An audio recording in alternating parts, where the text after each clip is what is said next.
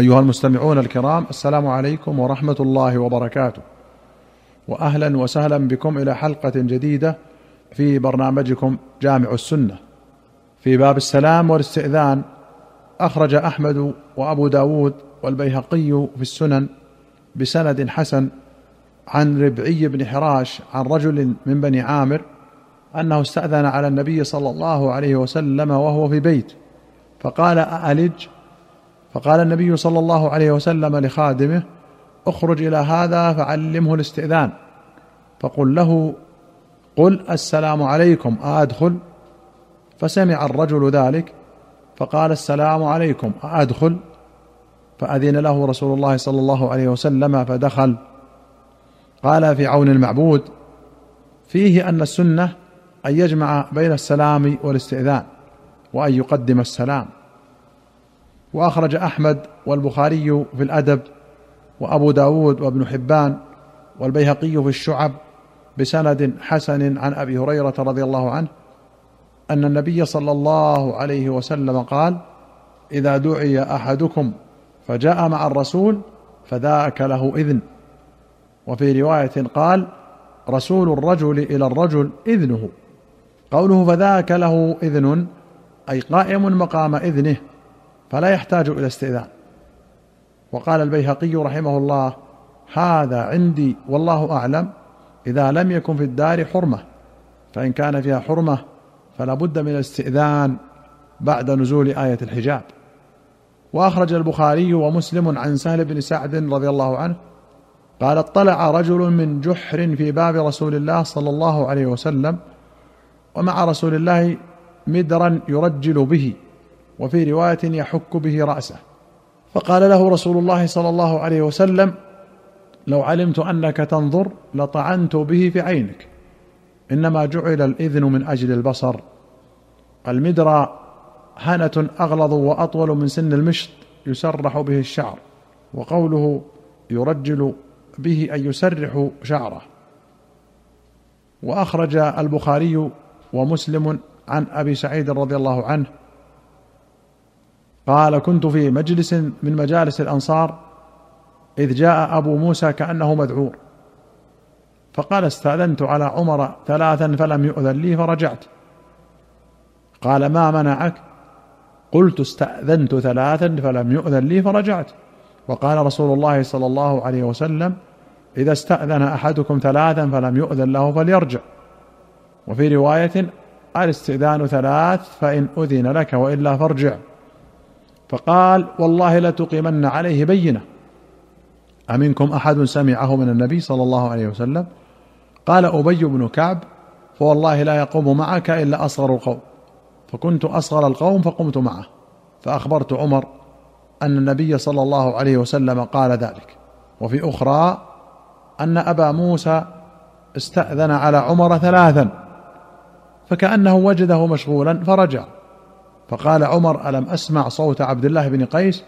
إذن له فدعي. فقال له ما حملك على ما صنعت؟ قال إنا كنا نؤمر بهذا.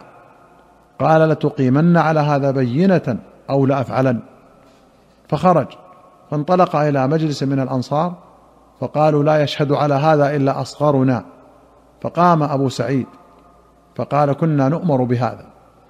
فقال عمر خفي علي هذا من أمر رسول الله صلى الله عليه وسلم. ألهاني عنه الصفق بالأسواق. ولمسلم قال أبو برده جاء أبو موسى إلى عمر. فقال السلام عليكم هذا عبد الله بن قيس. فلم يأذن له. فقال السلام عليكم هذا أبو موسى. السلام عليكم هذا الأشعري. ثم انصرف. فقال ردوا علي ردوا علي. فجاء فقال يا أبا موسى ما ردك؟ كنا في شغل. قال سمعت رسول الله صلى الله عليه وسلم يقول الإستئذان ثلاث فإن أذن لك وإلا فارجع. قال لتأتيني على هذا ببينة وإلا فعلت وفعلت. فذهب أبو موسى قال عمر إن يجد بينة تجدوه عند المنبر عشية وإن لم يجد بينة فلن تجدوه.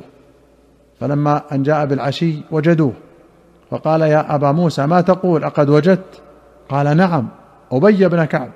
قال عدل. قال يا أبا الطفيل وفي رواية يا أبا المنذر ما يقول هذا؟ قال سمعت رسول الله صلى الله عليه وسلم يقول ذلك يا ابن الخطاب. فلا تكونن عذابا على أصحاب رسول الله صلى الله عليه وسلم. قال سبحان الله إنما سمعت شيئا فأحببت أن أتثبت. ولمسلم أن أبا موسى أتى باب عمر فاستأذن. فقال عمر واحدة ثم استأذن الثانية فقال عمر ثنتان. ثم استأذن الثالثة فقال عمر ثلاث. ثم انصرف فأتبعه فرده. فقال إن كان هذا شيئا حفظته من رسول الله صلى الله عليه وسلم فها وإلا لأجعلنك عظة. قال أبو سعيد فأتانا. فقال ألم تعلموا أن رسول الله صلى الله عليه وسلم قال الاستئذان ثلاث؟ فجعلوا يضحكون. قال فقلت أتاكم أخوكم المسلم قد أفزع تضحكون؟ قال انطلق فأنا شريكك في هذه العقوبة. فأتاه فقال هذا أبو سعيد. قال الحميدي ألفاظ الرواة في الحكاية عن عمر وأبي موسى مختلفة والمعاني متقاربة ولفظ المتن فيها واحد كما قدمنا. وأخرج البخاري ومسلم رحمهما الله عن أم هانئ أخت علي بن أبي طالب رضي الله عنهما قالت ذهبت إلى رسول الله صلى الله عليه وسلم عام الفتح فوجدته يغتسل وفاطمة ابنته تستره بثوب فسلمت عليه فقال من هذه؟ فقلت أنا أم هانئ بنت أبي طالب فقال مرحبا بأم هانئ. قال النووي فيه استحباب قول مرحبا ونحوه من ألفاظ الإكرام. وفيه أنه لا بأس بالكلام في حال الاغتسال والوضوء ولا بالسلام عليه بخلاف البائل. وفيه جواز الاغتسال بحضرة امرأة من محارمه إذا كان مستور العورة عنها وجواز سترها إياه بثوب ونحوه. باب الصحبة والمحبة وآداب المجالس. أخرج البخاري ومسلم عن أبي موسى رضي الله عنه أن رسول الله صلى الله عليه وسلم قال إنما مثل الجليس الصالح والجليس السوء كحامل المسك ونافخ الكير. فحامل المسك إما أن يحذيك وإما أن تبتاع منه وإما أن تجد منه ريحا طيبة. ونافخ الكير إما أن يحرق ثيابك وإما أن تجد منه ريحا خبيثة. الكير هو منفاخ الحداد وقوله يحذيك أي يعطيك والحذية هي العطية. وفي الحديث استحباب مجالسة الصالحين وأهل العلم والورع واستحباب مجانبة قرناء السوء وأرباب المعاصي. أيها المستمعون الكرام إلى هنا نأتي إلى نهاية هذه الحلقة.